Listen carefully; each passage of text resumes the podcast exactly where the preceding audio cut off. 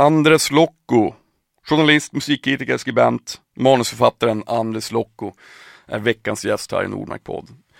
Jag gillar Andres jättemycket. Vi, han, eh, för några år sedan så skickade jag, eh, eller jag tror det var jag, vi skick, jag skickade våran krigets submission till honom och då skrev han en jättefin text om oss och beskrev hur musiken lät och då sa han det låter som att djur, som när djur knullar. Um, det var en fin text. Han, han gillade det. Då blev jag glad, jätteglad. Men, uh, och han är min veckas gäst. Fantastiskt, eller hur?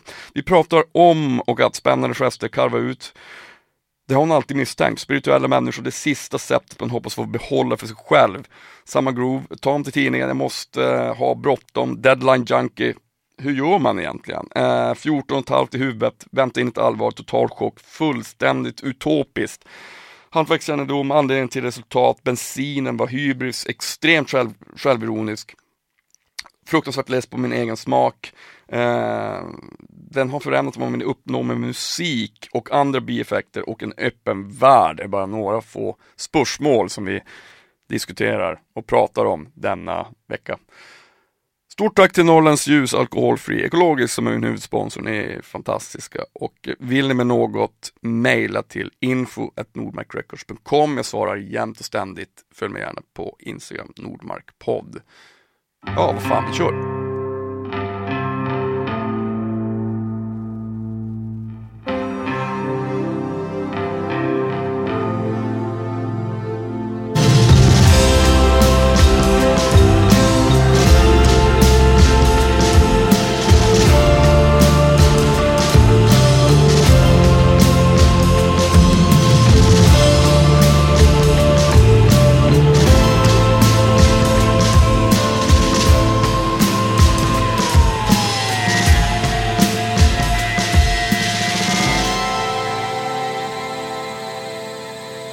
Andres Locco.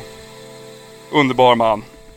Välkommen till Nordmark Har du redan börjat? Vi kör! Kör. Nu kör vi. Uh, jag brukar alltid fråga mina gäster om jag får börja med att ge dem en kram och du är verkligen inga undantag. Vi har ju kramats förr. Men nu, nu får man inte göra det, så jag ger, gör en sån istället. En jag, ja, en, en, jag har inte lärt mig alla koderna än. Ja men det är väl så, så är det väl. Ja den där kan jag. Armbågen kan jag. Foten har jag börjat eh, sakta lära mig. Ja. Men det är lite så här um, man, som om man är rookie, när man går ut på stan, eftersom man inte har gjort det så mycket mm.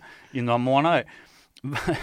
Varje gång man gör det så lär man sig liksom en ny hälsningsmodell. Det är någon slags blandning mellan så här frimurarna och eller att vara rookie, så här Bloods och Crips.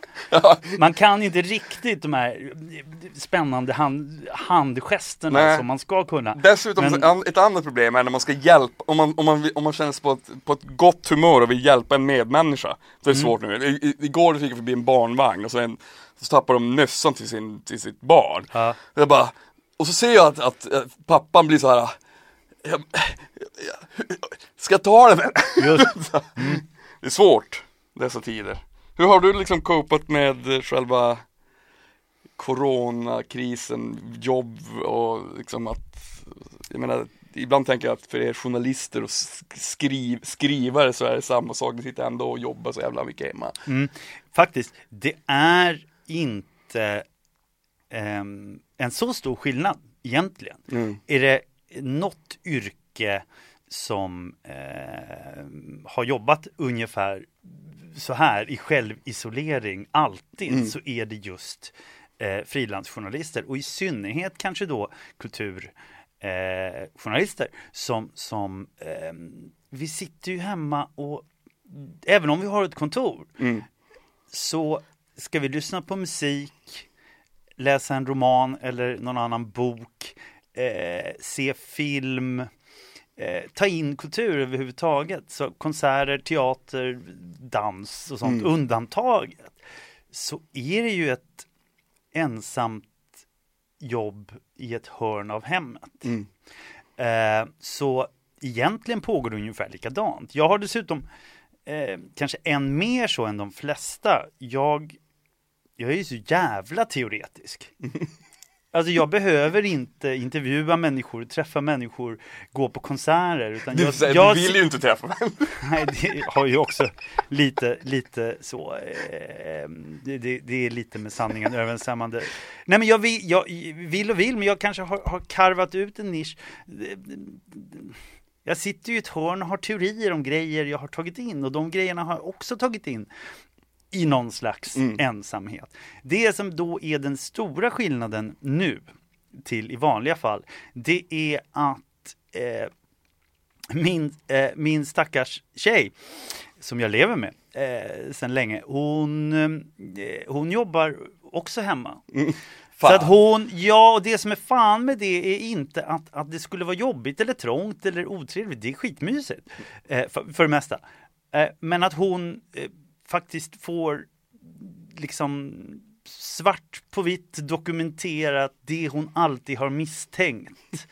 Att hur mina dagar ser ut. Nu kan jag inte låtsas att jag eh, så fort hon går ut genom dörren och åker till sitt riktiga jobb eh, att jag liksom springer in i duschen, rakar mig, klär på mig, trevlig kostym, kammar mig och, och liksom sätter mig och skriver geniala artiklar och går ut och äter lunch med spirituella människor. Eh, nu vet hon hur det egentligen går till. Jag, fasaden har ju liksom bara fallit ihop, den sista fasaden. Så att man får ju mm, lära sig känna varandra på de sista sätten man hoppades få behålla för sig själv. Det är nog det som är både fördelen och nackdelen. Först är det en nackdel, efter ett tag så, så, så vi är fortfarande tillsammans och allt är fine. Så, så efter ett tag bara, så kan du ut- inte ta på ut- dig, ta, byt på morgonrocken snälla. Ja men precis. Du, jag, hade, jag fick ju bevittna det när jag var och lämnade vår kriget-skiva till dig, du bara fan sorry Per, jag, jag, jag har fortfarande inte rätt på mig, jag sitter och jobbar här. Ja, Det är fine. exakt. Precis så. Eh, så eh, men det var ju ett problem i början. Efter ett tag så faller ju hon in i samma groove. Eh, det går väldigt snabbt. Mm. Det tror jag de flesta som sitter hemma, eh, förutom riktiga knasbollar, Mm. eh, så tror jag de flesta har upptäckt hur oerhört snabbt Mm. man liksom eh, blir någon slags man blir så här comic book guy i The Simpsons. Mm. Eh, och, och man liksom först är man så, åh idag nu ska vi äta en sån här god och näringsrik fin lunch, sen ska vi gå ut och träna eller gå på en promenad eller så här. Nah, jag tar en macka vid tre eh, i pyjamas. Det är ju fruktansvärt. Sen behöver fan- det inte påverka själva, själva jobbet så mycket. Så man får det gjort som man ska få gjort. Men har du något sådana här problem då ibland att du känner så här, för det, jag har ju haft till från, nu har jag haft den här studion här länge. Men innan så hade jag studion hemma.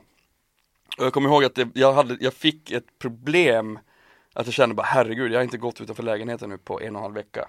Alltså jag har, jag, jag, när, jag har när, jag, när jag är här så är det lätt för mig att gå upp på morgonen, ta på mig kläderna och ta en promenad hit och så känns det som att jag har något slags jobb. Ja. Alltså inte för att jag tycker att mitt jobb är mindre värt än någon annans jobb, men bara just att, den här, att rutinen finns där. Det, det tyckte jag var svårt när jag satt hemma. Har hur funkar det för dig med själva den rutinmässiga, när du säger bara, ah, men nej, nu blir det en macka klockan tre, och fan nu kanske jag skrev klart det där då. Hittar du någon röd tråd som du kan förhålla dig till i din arbetssätt som är liksom det här, är en, det här är en trygg grund, det spelar ingen roll, allt är lugnt, jag, ja, det är ändå jag som bestämmer hur jag vill att saker ska vara. Alltså jag, jag eh, en, en grej med att, att eh, alltid arbeta mot uppenbara deadlines. Mm. Jag vet att om inte jag lämnar detta vid den här tidpunkten så blir det liksom eh, tomt i tidningen. Mm. Det blir liksom ett utrymme där det bara är vitt. Så, eh, lätt överdrivet eller rent det, ja du förstår vad jag Och menar. ett obekvämt mejl. Och obekväm, ja, ett väldigt obekvämt mejl. Många obekväma mejl. Eh, men men eh, jobbar man mot deadlines så, så mm, det är ju lite grann som att aldrig sluta gå i skolan. Alltså det är som att ha läxor Mm. som måste vara färdiga. Och sen så får du av din redaktör och i förlängningen av läsarna liksom någon slags betyg på din text. Mm. Och sen går du vidare och gör nästa. Det är som att göra, liksom, det är som att skriva uppsatser i skolan. Mm. Sort of. Liksom. Alltså, Och, och så rutinen ligger ju liksom i att deadlinen med stor D eh, trumfar allting annat i prioritet. Det är det enda mm. som jag måste förhålla mig till framför allting annat. Och gör man då det i en, i en som nu, i, i hemmiljö hela tiden, så får allting annat eh, falla ihop som ett korthus omkring en. Mm. För att jag måste hålla min deadline. Mm. Det är det enda som betyder någonting. Men har du, så- kan du, har, får, du- får du tillbaka någon sån känsla från när du själv gick i plugget? Bara herregud, ha- hade du liksom Du vet att man, att man får någon slags, man bara Jesus Christ, det är liksom inte förändrats någonting. Jag förhåller mig till till min vardag, även som jag hade då, likadant nu fast det liksom har gått de här åren. Förstår du vad jag menar? Att man bara så här, herregud, vad fan. Jo, men det funderar man ju väldigt mycket på. Ja. Sen, sen, som tur är, så har ju då eh, innehållet och nivån på innehållet i det jag lämnar in eh, kanske, kanske mognat en smula sen jag gick i högstadiet. Det vore ju, vore ju skönt om det inte bara jag som tycker det. Eh, men, men, eh, men tillvägagångssättet är väldigt likt. Mm. Och, och eh, jag, jag kan ju väldigt enkelt se eh, hur min liksom metodik, metoden jag väljer för att få saker gjorda Mm. är ganska identisk med hur jag betedde mig under hela min skolgång. Mm. Eh, och det är att jag måste ha eh, jag måste känna en stress, jag måste känna att det är bråttom. Det måste finnas en sån här all or nothing. Nu jävlar, annars är jag stekt. Mm. Och du trivs att vara där också, på den marschfarten. Tyvärr så tror jag det. Eh, jag inbillar mig det. Jag, jag har, så här, förhoppningsvis så har jag fel, att det finns andra människor som, som eh, kan, kan liksom skriva lite mer njutbart. Eh, jag menar de enda som säger åh jag älskar att skriva, det är folk som inte har det som jobb. Nej. Eh, men men eh, det är viktigt, det måste göras, det måste bli klart. Känslan är ofta, det här är det enda jag kan. Mm. Så man klamrar sig fast vid det. Mm. Eh, men, men, men metodiken, jag var en sån som gjorde eh, läxorna på bussen på morgonen på väg till skolan. Ja, samma för mig faktiskt. Och det funkade. Det funkade inte alltid bra, men, men sen lärde jag mig också liksom att eh, de här ämnena är jag bra på. Jag tycker nästan om de här ämnena. Eh, och jag lägger allt mitt krut på dem. Resten skiter jag i. Ja. Det var lite min, min skolattityd. Femmor och nollor i, i liksom betyg. Eh, och det har jag på gott och ont fortsatt med. Mm. Jag måste ha bråttom. Det måste vara lite för sent. Mm. För att jag ska kunna, så deadline junkie, liksom, det är ett missbruk Mm. på sätt och vis. Eh, och, och när jag träffar vänner och kollegor som, som eh, jobbar med ungefär samma saker, som är så här, nej men jag har gjort klart det här, det ska in om två veckor, jag är färdig. Mm. Så, Va? Hur, hur går det, hur gör du? Ofattbart. Ja, så att på så vis är jag ju liksom eh, 14 och ett halvt i, i, i huvudet. Mm. Eh, I övrigt är jag väl inte det. Men, men, ehm, men det, det, jag tror det är den grejen jag kan se. Mm. Att jag måste, inte försätta mig i ett tillstånd, men jag måste liksom vänta in ett allvar, en Mm. Att jag inte kan sitta och tramsa mig, utan Mm. nu måste jag faktiskt göra det här på riktigt och så bra som möjligt. Mm. Och det kräver någon form av stresshormoner. Men det är väl, alltså så är det ju jag, jag, Så är det, jag vet inte om det är så, men jag får en känsla att det är så med allt, allt kreativt eh, Som har med kreativitet att göra, det måste ju finnas ett allvar, det måste finnas någonting som är eh, att, att det finns en dedikation till det man gör. Mm. Annars, annars finns ju, om man ska vara seriös så finns det annars ingen mening att göra det tycker jag. Nej. Alltså, det blir waste of time, sen dör man ju och så, så har man inte gjort någonting. Alltså det måste åtminstone kännas otroligt viktigt för en själv. Mm. Men, men jag tänker du som har skrivit så fruktansvärt länge Dels hur du Det kom... är verkligen fruktansvärt länge. Ja men det är samma sak som mig, jag har spelat trummor i hela mitt liv, jag har spelat, liksom, jag har spelat musik exakt Mm. i hela mitt liv och, och jag tycker det är så intressant när man, när man talar om folks profession så här, hur man, hur man eh, ser på sig själv. Och för mig är det så här, jag har en, frukt, en skräck av att se mig själv om vad som skulle vara den här Per om jag inte spelade. Just. Mm. Hur, hur är den känslan för dig? Författaren, skribenten, journalisten, Mm. Andres, om inte det var Jag är uppvuxen i en, alltså båda mina föräldrar eh, kom hit som flyktingar i slutet av andra världskriget mm, eh, från Estland eh, och flydde den liksom sovjetiska ockupationen. mm, Eh, eller ryska som den då var till en början. Eller? Nej? Ja, skitsamma. Eh, de, de flydde 1944 eh, till Sverige. Eh, de kände inte varandra då, de, Mhm. men, men, men eh, lärde känna varandra i en liksom estnisk exil-community i, i, i Sverige långt senare på 60-talet. Eh, men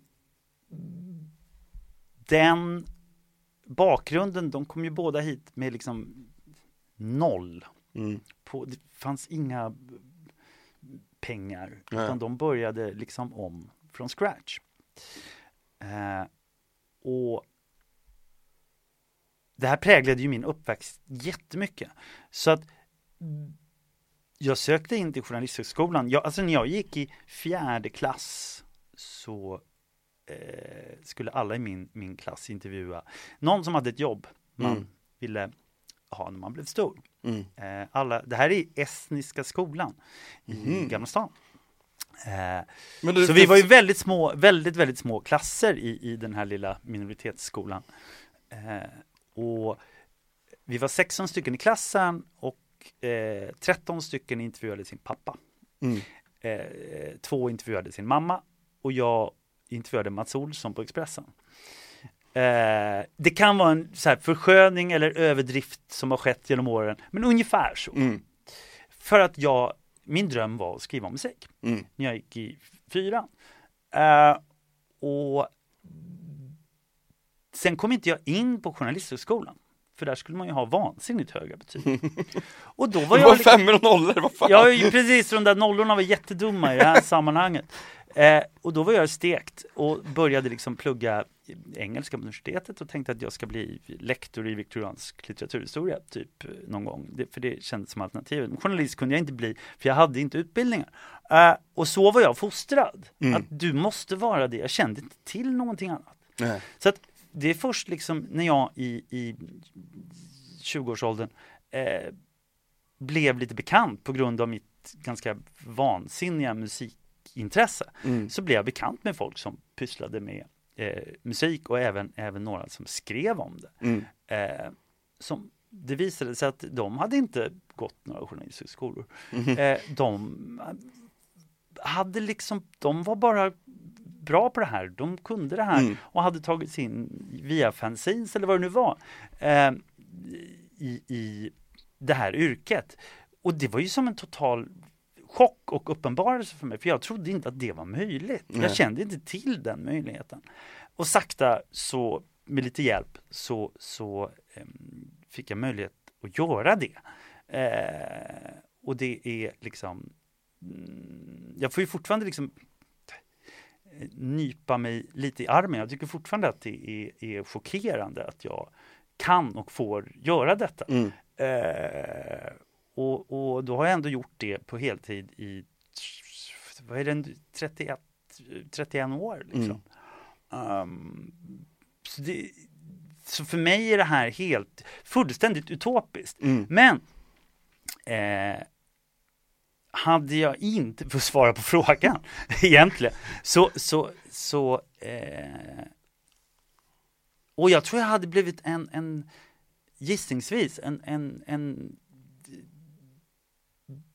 dammig filur i, i liksom manchesterkavaj eh, på Stockholms universitet på någon eh, liksom litteratur eller språkinstitution. Mm. Eh, det, det är vad jag tror hade varit eh, alternativet. Mm. Men tror du att, tror du att eh, om man jämställer eller så här, musiker eller, eller journalist, eh, att det finns eh, det är väldigt svårt att leva på. Det är få som verkligen lyckas. Det är få som kan leva på det.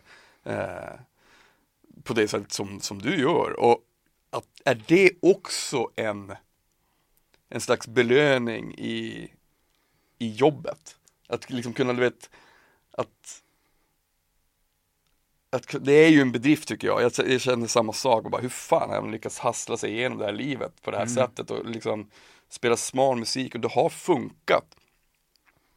Eh, och jag gör det fortfarande och jag har gjort det hela mitt liv. Yep. Vad fan. Hatten av. Det är bara att köra vidare tänker man ju så mm. Det är mm. fantastiskt. Men jag menar, är inte det också att, att svårigheten är väl också någonstans det som hela tiden lockar för att göra, klargöra det. Att, att hela tiden så här, det här är någonting svårt. Jag kan det, jag är fan bra på det. Mm. Märkte du så här, kommer du ihåg när du kände så här, visst absolut att du svarade lite på det, men när infann sig den känslan att fan det här, det här flyger. Jag kan göra det här. Det behöver inte ha det här extra jobbet, eller liksom, jag kan verkligen göra det som jag är bra på, jag kan göra det fullt ut. Alltså, um, det, jag, jag fyller år i, jag fyller 53 i övermorgon. Eh, och det, inte för att det händer kring födelsedagar, men ens ålder eh, är intressant i det här sammanhanget. För jag tror att det går att dela upp i, i jag vet inte exakt när de, när de börjar och slutar så, men det går att dela upp ens yrkesliv snedstreck hantverkskännedom mm. eh, i olika cykler och olika faser. Eh, och de, de Resultatet är ungefär detsamma men eh, anledningarna till resultatet och hur man hamnar där är väldigt olika. Mm. Och jag tror att eh, i, när jag var liksom mellan 20 och 29 så var bensinen var hybris. Mm. En slags eh, extremt attitydstinn ung kaxighet som eh, kan misstas för en massa otrevliga karaktärsdrag mm. som inte alls nödvändigtvis behöver vara det. Men, men, eh, men som liksom bränsle betraktat så tycker man, tyckte jag, att jag var bäst i hela världen. Mm eh, av ren liksom ungdomlig energi och också ren glädje mm. i att jag får och kan göra det här. Så att just det här eh, huruvida det flög eller inte är nästan sekundärt. Det var liksom just bara eh, en, en konstant high mm. på jag får och kan göra det här. Mm. Jävlar, vad coolt. Mm. Eh, och, och tittar man på det utifrån, i, kanske i synnerhet på det sättet som jag också valde att skriva på. Mm. Eh, där, där liksom en enorm tvärsäkerhet eh, var en humorform. Mm. Alltså jag trodde i min enfald att folk förstod att den här tvärsäkerheten är ju extremt självironisk. Mm. Eh, men det, fram, Men det, det, det, det frammanar ju också det, osäkerhet. det måste jag säga, det flög ju egentligen inte när jag till slut blev gammal nog att orka lyssna på eh, någon annan än mig själv. Eh, men eh, man får ju också betala för det. Mm. För sen följer det lika många år av eh, dubier. Mm.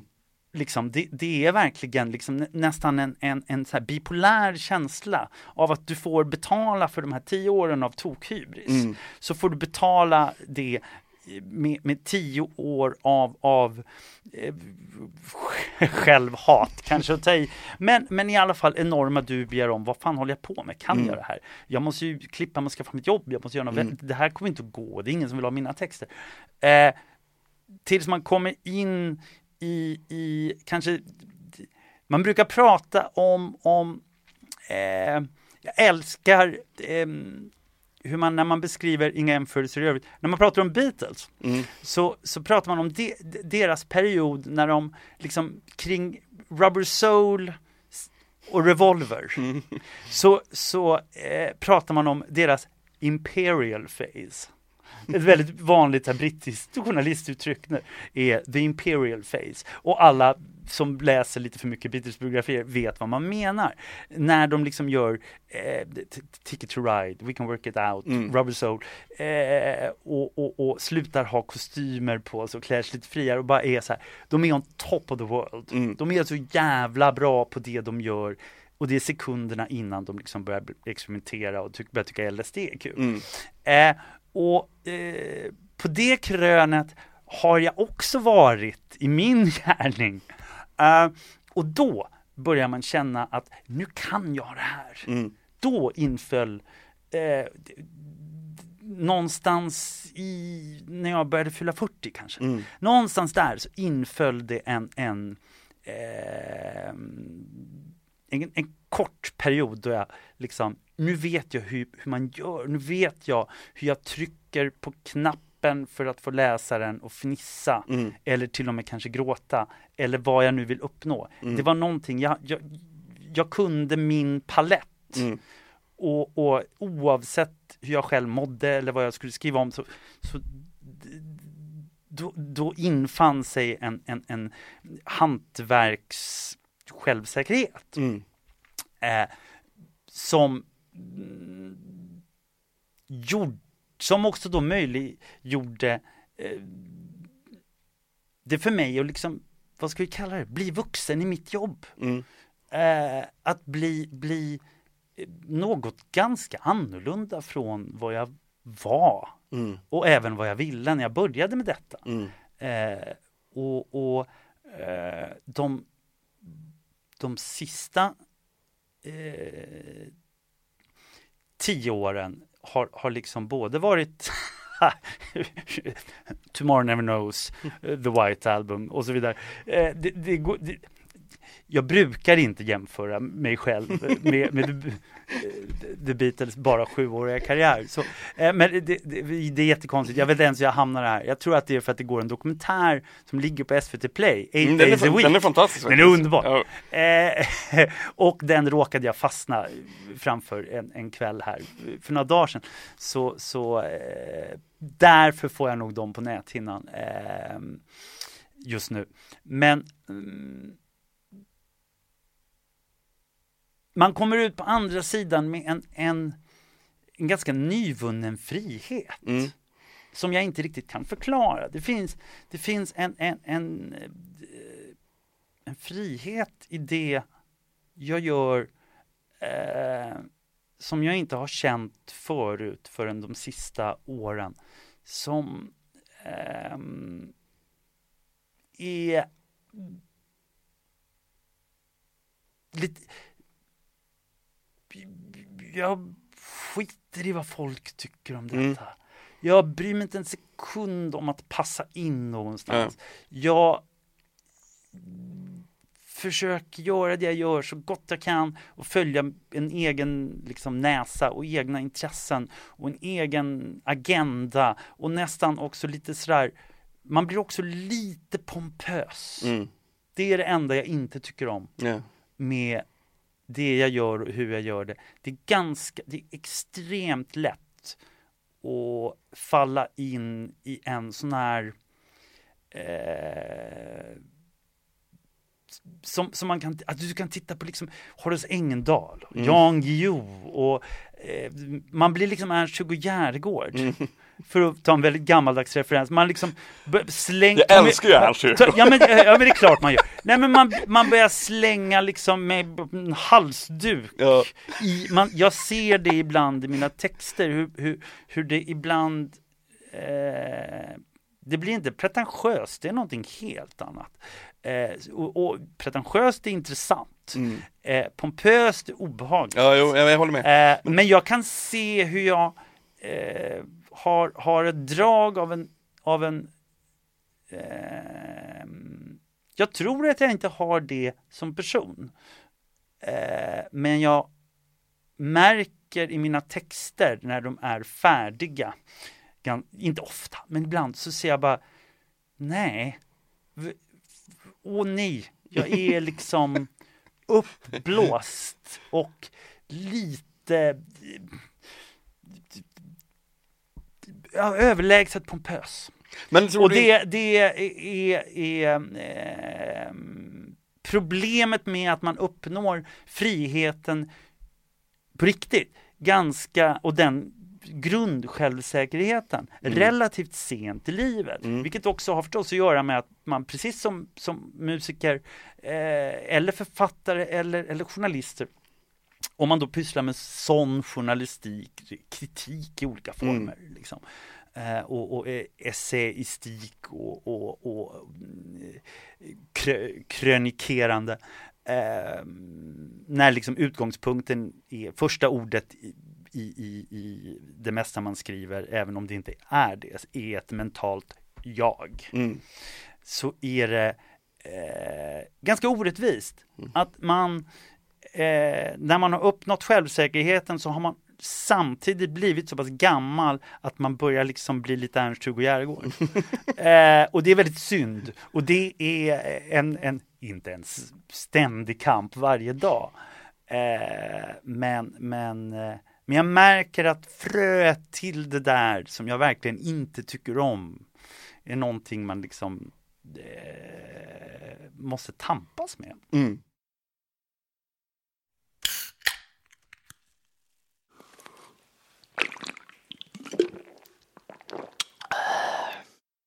Norrlandsljus, alkoholfri, ekologisk.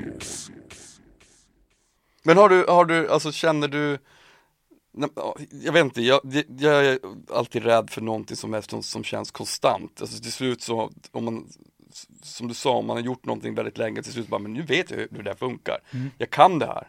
Eh, och jag är jävligt bra på det. Men är inte det också faran, alltså som sen gör att man kanske liksom tar sig vidare till nästa platå om man vill säga det, att man, man har en självreflektion som man kan ifrågasätta jaget och sen mm. så här, herregud vänta nu, nu är jag, jag vill ju verkligen inte bli den här Ernst-Hugo då. Eh, så nu måste jag för på något sätt bryta, bryta banan lite grann. Mm. Och det är, ju, det är ju svinsvårt att ha, jag menar Vet du vad jag gjorde? Jag, jag, det finns faktiskt, jag gjorde något eh, väldigt Eh, jag tror inte ens det var medvetet från början. Men, men eh, någonting som hände kring, kring när 00-tal började bli 10-tal mm. ungefär, för typ 10 år sedan. Eh, så blev jag så jävla trött på min egen smak. Och att den, jag tyckte min egen smak var så tråkig. Och den var så ointressant. Och jag ville aldrig liksom, jag ville skriva om hela min min smak, min mm. historia, min... Jag ville inte ha den jag hade blivit tillfördelad. Eh, för jag kunde inte göra någonting mer med den. Mm hade jag eh, fortsatt och här, varit den här liksom seriefiguren som, som, som du verkligen, om man nu är intresserad av musikjournalistik så på det sättet, eh, så, så blir man en seriefigur och en karikatyr. Mm. Eh, och, och vansinnigt förutsägbar. Uh, och det var inte medvetet, men jag var så trött på den seriefiguren. Eh, och jag kunde inte göra någonting intressant med den. Att jag märkte hur jag bara så här vecka för vecka, månad efter månad under en period eh, bara slutade bry mig om smak, bara liksom hel, allt vad det innebär. Du började lyssna på Pink begrav Floyd. det, ja! Eh, Jag försöker, bland mycket annat. jag vill ju, jag vill Nej, men- tycka om dem, jag- det går inte. Nej men jag ville bara bli av med, med mina jävla här, modsrötter i, i vill aldrig ha hört talas om jävla Northern Soul och, och Small Faces eller, eller Dexys och The Jam och så vidare. Jag var så här, det där, åh, nej! Ta bort det där ur mitt liv. Op kan ni operera den här eh, Spotless Mind, vad heter den filmen? Michel Gondry, ah skitsamma, förlåt. Eh, men jag vill åka till en schweizisk klinik liksom och med kirurgisk precision eh, ta bort det där så att jag liksom kunde börja på nytt. Men vad, det, det, det som egentligen bara hände var att jag ganska mycket tog bort smak ur hela min yrkes Mm. det, det, det försvann. Ja, det var frågeställningen bra Mm. eller dåligt eh, tynade bort. Mm. Det enda som är intressant var just intressant. Är det här intressant? Mm. Det var liksom grundfrågan. Eh, och bra, dåligt, eh, rätt, fel, hippt eller inte. Alltså alla de här liksom fråge, frågeställningarna som, som sitter kvar, i synnerhet när det kommer till musik. Mm. Från någon slags skolgårdskänsla. Mm. Det är liksom mods and rockers, syntare och hårdrockare i någon svensk kontext. Det där började jag liksom förakta. Mm. Ja, det, det där kan vi inte ta med oss in i en, i en vuxen intellektuell kulturdiskussion. Men fast, Där jag ville vara med det jag skrev. Mm. Och, och det eh, förändrade, det var ingen liksom uppenbarelse eller sånt här. Men jag märkte hur, hur allting blev en miljard gånger intressantare och roligare och mer relevant. men vart hittade du inspirationen då? Jag menar när, när mycket runt omkring en faller. Jag slutade lyssna på musik och bara läsa om den. Mm. Jag överdriver nu som fan. Ja, men, men, men eh, insikten om att musikjournalistik är ju mycket intressantare än musik. Mm. Eh, var på riktigt viktig. Det är det jag tycker är intressant. Musikjournalistik, vansinnigt intressant. Mm. Musik, äh. eh. Been there. Då blev det intressant att skriva om musik. Och det här är inte, givetvis inte att, att förringa. Nej, det handlar inte om det. Men, men det handlar kanske om vad, vad, vad jag uppfyller för funktion och vad jag tycker är genuint, och än en gång ordet, intressant. Mm. Eh, och, och att ta bort liksom alla bojor som, som dogmatisk smakfascism innebär. Eh, oavsett vilken smak, vilken, vad, vad det innebär. Eh, så öppnade sig en, en liksom gigantisk värld av eh, möjligheter. Mm. Eh, och att närma sig saker som, som jag bara år innan aldrig hade kommit på tanken och ens ta i med tång Mm. eh, var plötsligt superspännande. Mm. Eh, och jag har ingen aning om vad jag ska komma fram till med det här. Men, men det, det var något som präglade hela mitt tiotal väldigt, väldigt, väldigt mycket. Mm. Eh, och, och, och kanske än mer, än mer så för varje dag som går. Eh, att, att det, det finns ett utrymme för en liksom eh, det låter tråkigare än vad det är. Men en väldigt akademisk approach till eh, att ta sig an musik. Mm. Att jämställa den även journalistiskt Mm. med poesi och modern dans. Eh, och inte eh, med vad som har hänt förut. Nej. Ut, ut, utan det är liksom en, det är en egen konstyttring som en organism som, som, som liksom måste förändras. Mm. Och att eliminera smaken ur det, ur, ur det hela eh, var plötsligt för mig någonting som kändes ohyggligt modernt. Mm.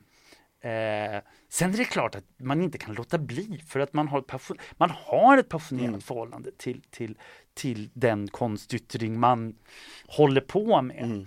eh, och kan Mm. ändå ganska jäkla bra. Mm. Eh, så det är klart att det fortfarande uppstår. Man vill fortfarande då och då ha en, en det är ju en sån här punkskada som Mm. yngre människor, eh, God bless them, slipper lite Mm. grann. Men det finns ju den, den här skolgårds eh, Mm. eh, som, som väldigt många tar med sig oerhört långt upp Mm. i livet är eftersom jag tycker om det här så avskyr jag det där. Mm. Eller för att kunna tycka om det här som är så bra, då måste du hata det där. Mm. Eh, och eh, det, är- det är effektivt, kaxigt, roligt.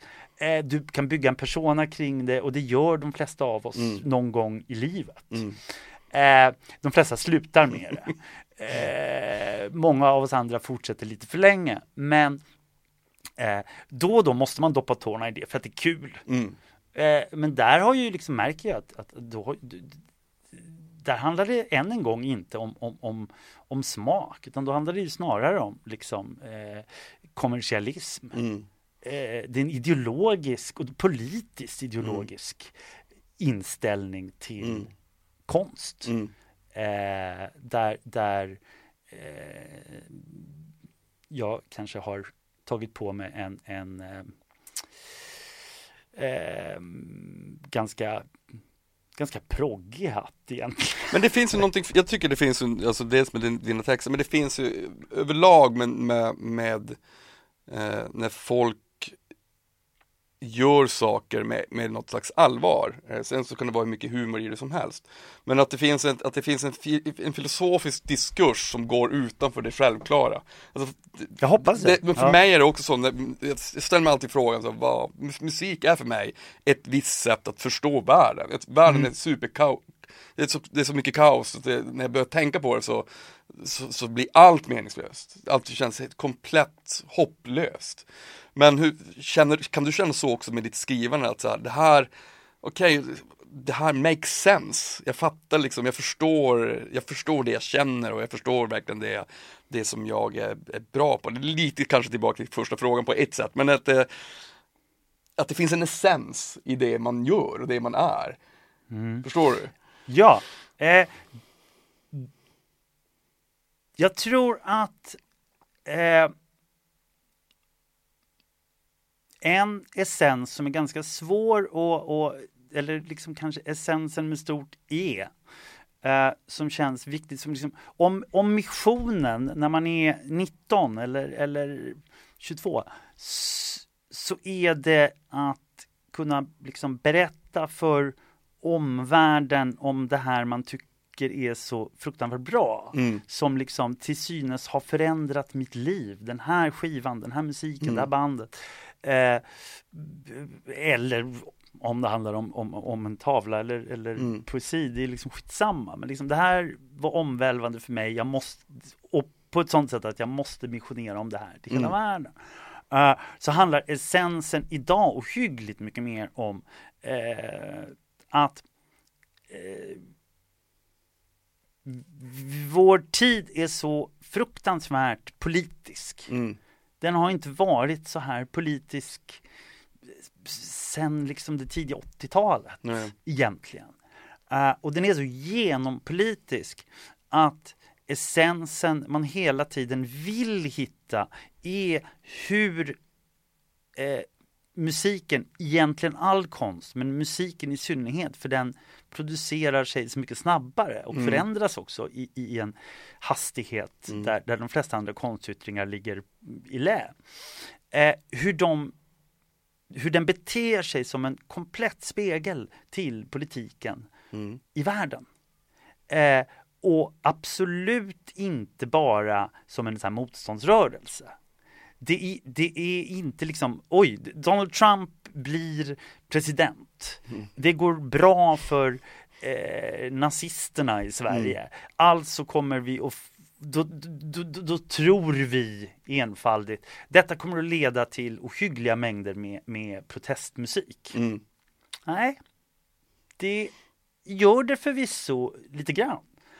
Eh, men vad som egentligen sker är vad är då rötterna till, till eh, trumpism och, och eh, trumpismen i världen? Mm. Eh, ja, det är liksom hela 00-talets nyliberala mm. eh, vindar. Inte bara vindar, jävla orkanstorm. Mm.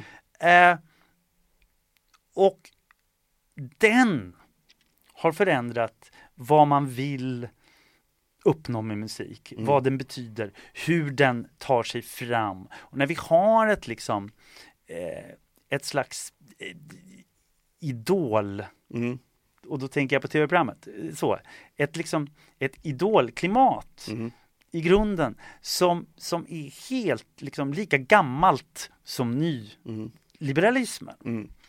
Eh, så utkristalliserar sig en ny fiende. Mm som du måste förhålla dig till. Det är inget, inte ett ont om artisterna förstås nej, nej, som men, gör detta.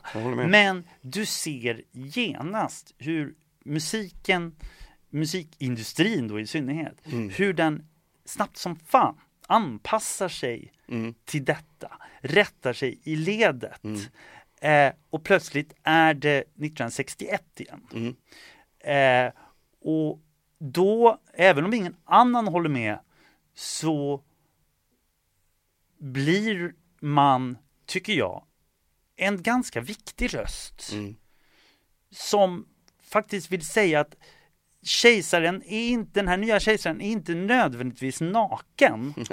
men den är, den är här av väldigt tveksamma skäl. Mm. Mm. Vi, liksom, jag förstår att ni gör det här, mm. för det finns, det är så det ser ut.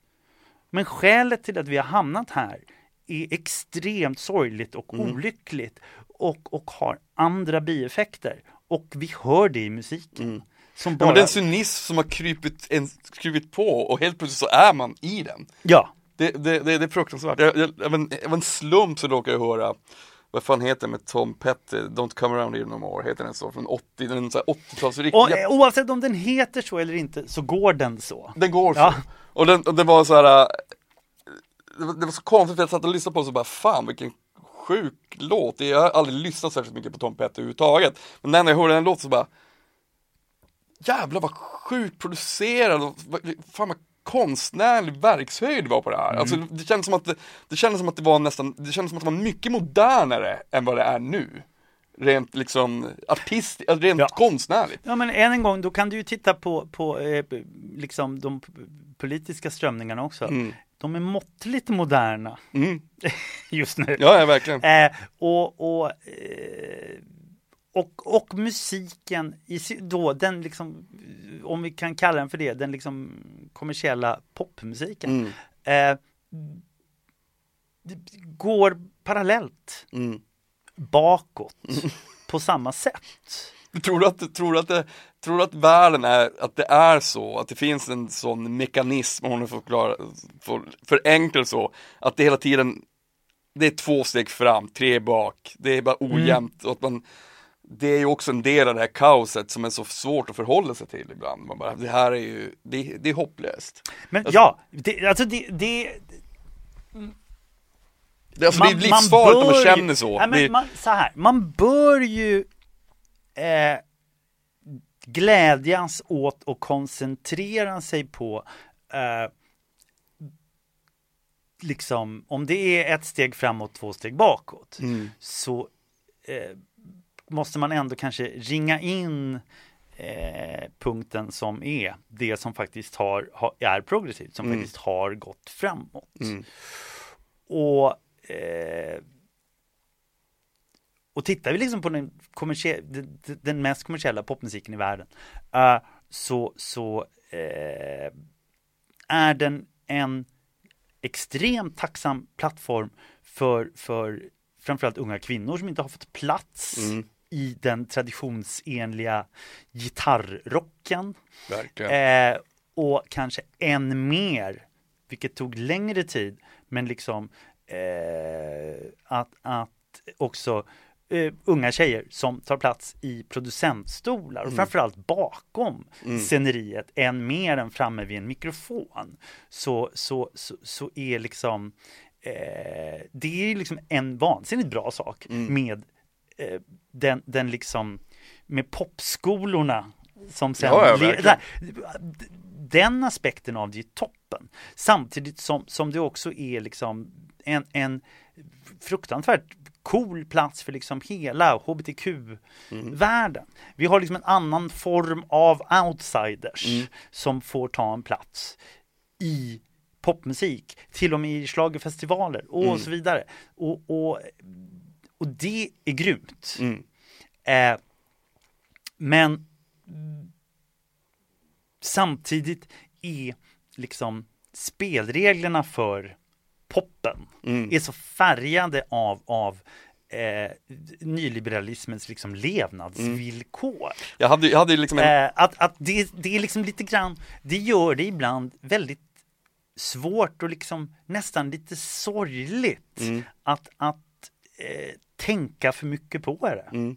Jag tycker jag, jag hade liksom när, när hela den här digitaliseringen pikade så tänkte jag j- finally, nu jävlar störtar de här stora, liksom, stora, de största skivbolagen, nu, nu får de problem. Tyvärr blev det inte så.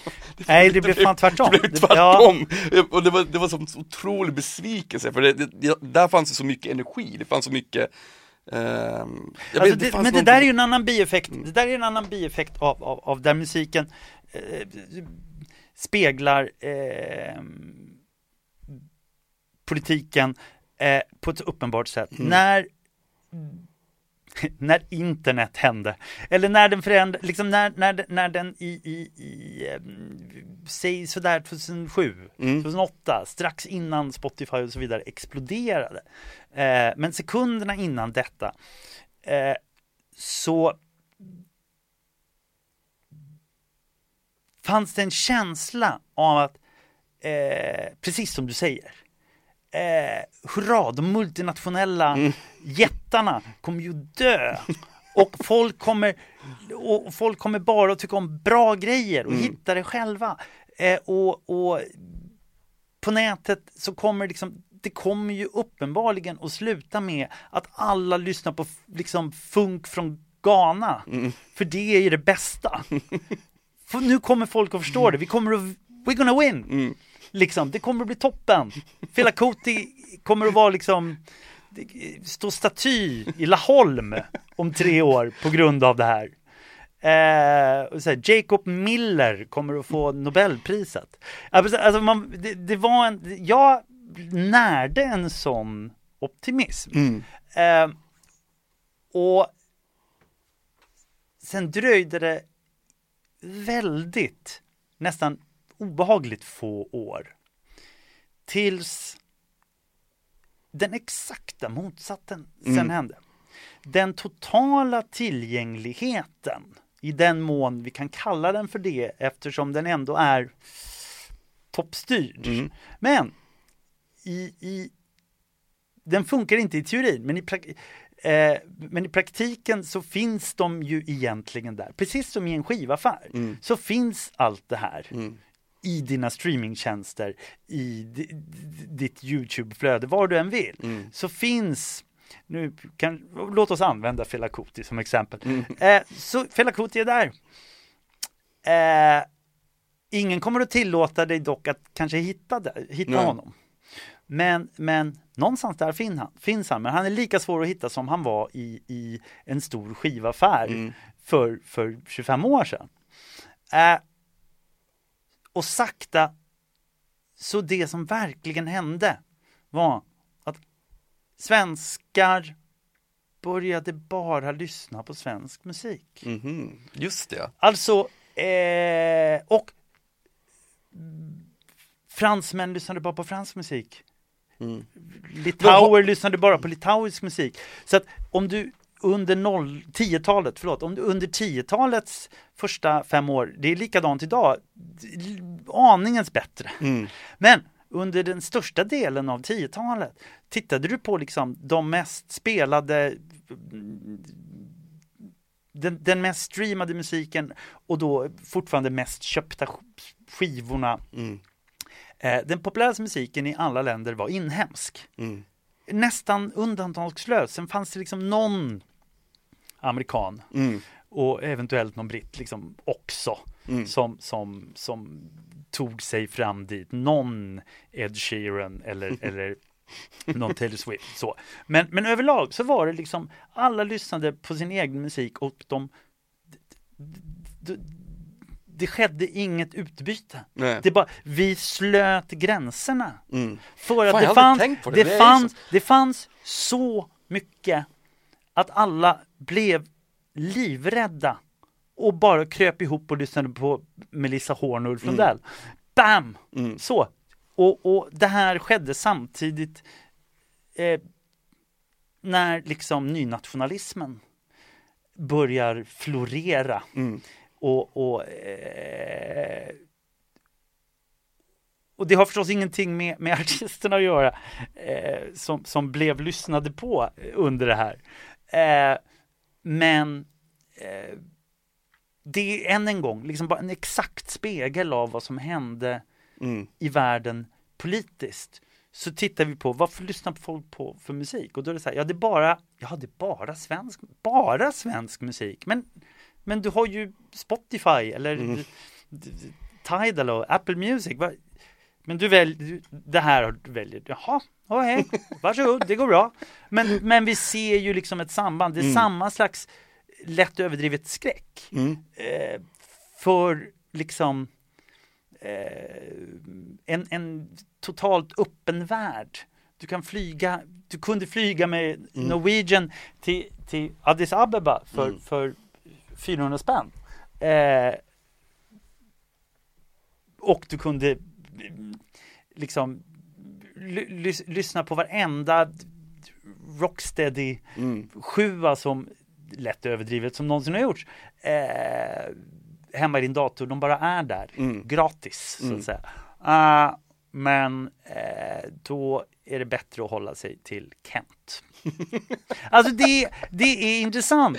Och sen kan, sen kan liksom musiken i fråga i det här landet, oavsett om vi är i, i Vitryssland eller i Belgien eller i Peru mm. eh, eller i Stockholm, så, så effekten var likadan. Mm.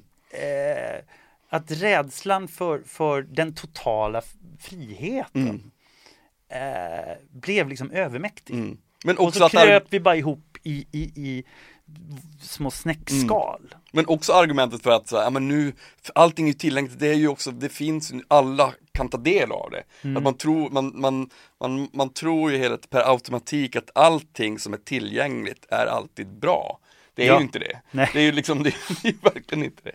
Men du, jag tänkte på, um, vad, vad händer härnäst för dig förutom, förutom att skriva det du alltid gör, men har du något till externt projekt på gång? Um, ja, en, jag, jag, jag, håller på, och det här är så tråkigt, jag håller på med något jättespännande som jag inte får prata om. uh, jättetråkigt svar, ja det har jag men men, men, det är också uh, fint för då kan du komma hit och prata igen om det, det sen. Det, det är mycket möjligt och det gör jag i så fall hemskt gärna. Jag håller på, apropå det vi precis har pratat om, mm. så, så uh, jag håller på med bokförlaget Modernista och sammanställer just eh, än en gång, lite pompöst, eh, mitt eget tiotal. Mm. Alltså en, en slags antologi med texter skrivna under de sista, ja från 2009, nej förlåt, 2010 till 2019. Så det kommer liksom en liten, en liten box. De, gjorde, de har ju faktiskt gjort två stycken förut. Så det finns ju en med 90-talet, en med 00-talet. Och nu är det dags för en till. Underbart. Så att detta håller jag på med i, i, i, i den mån jag hinner. Det, det, eh, det tar längre tid än vad man tror.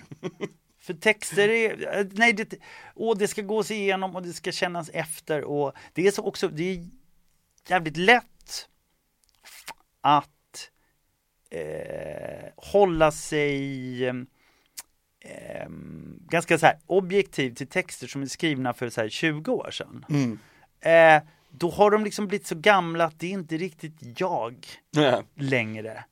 Eh, det är faktiskt bara lite så här, det känns liksom lite, lite, lite som att titta på d- d- barndoms fotoalbum från, från när man var åtta och ett halvt. Liksom. Och, och man kan ju inte liksom som vuxen sitta, åh gud vad töntig jag såg ut. Man resonerar ju inte så. Eh, men om du är 11 och tittar på bilder av dig själv när du är åtta, då gör du det.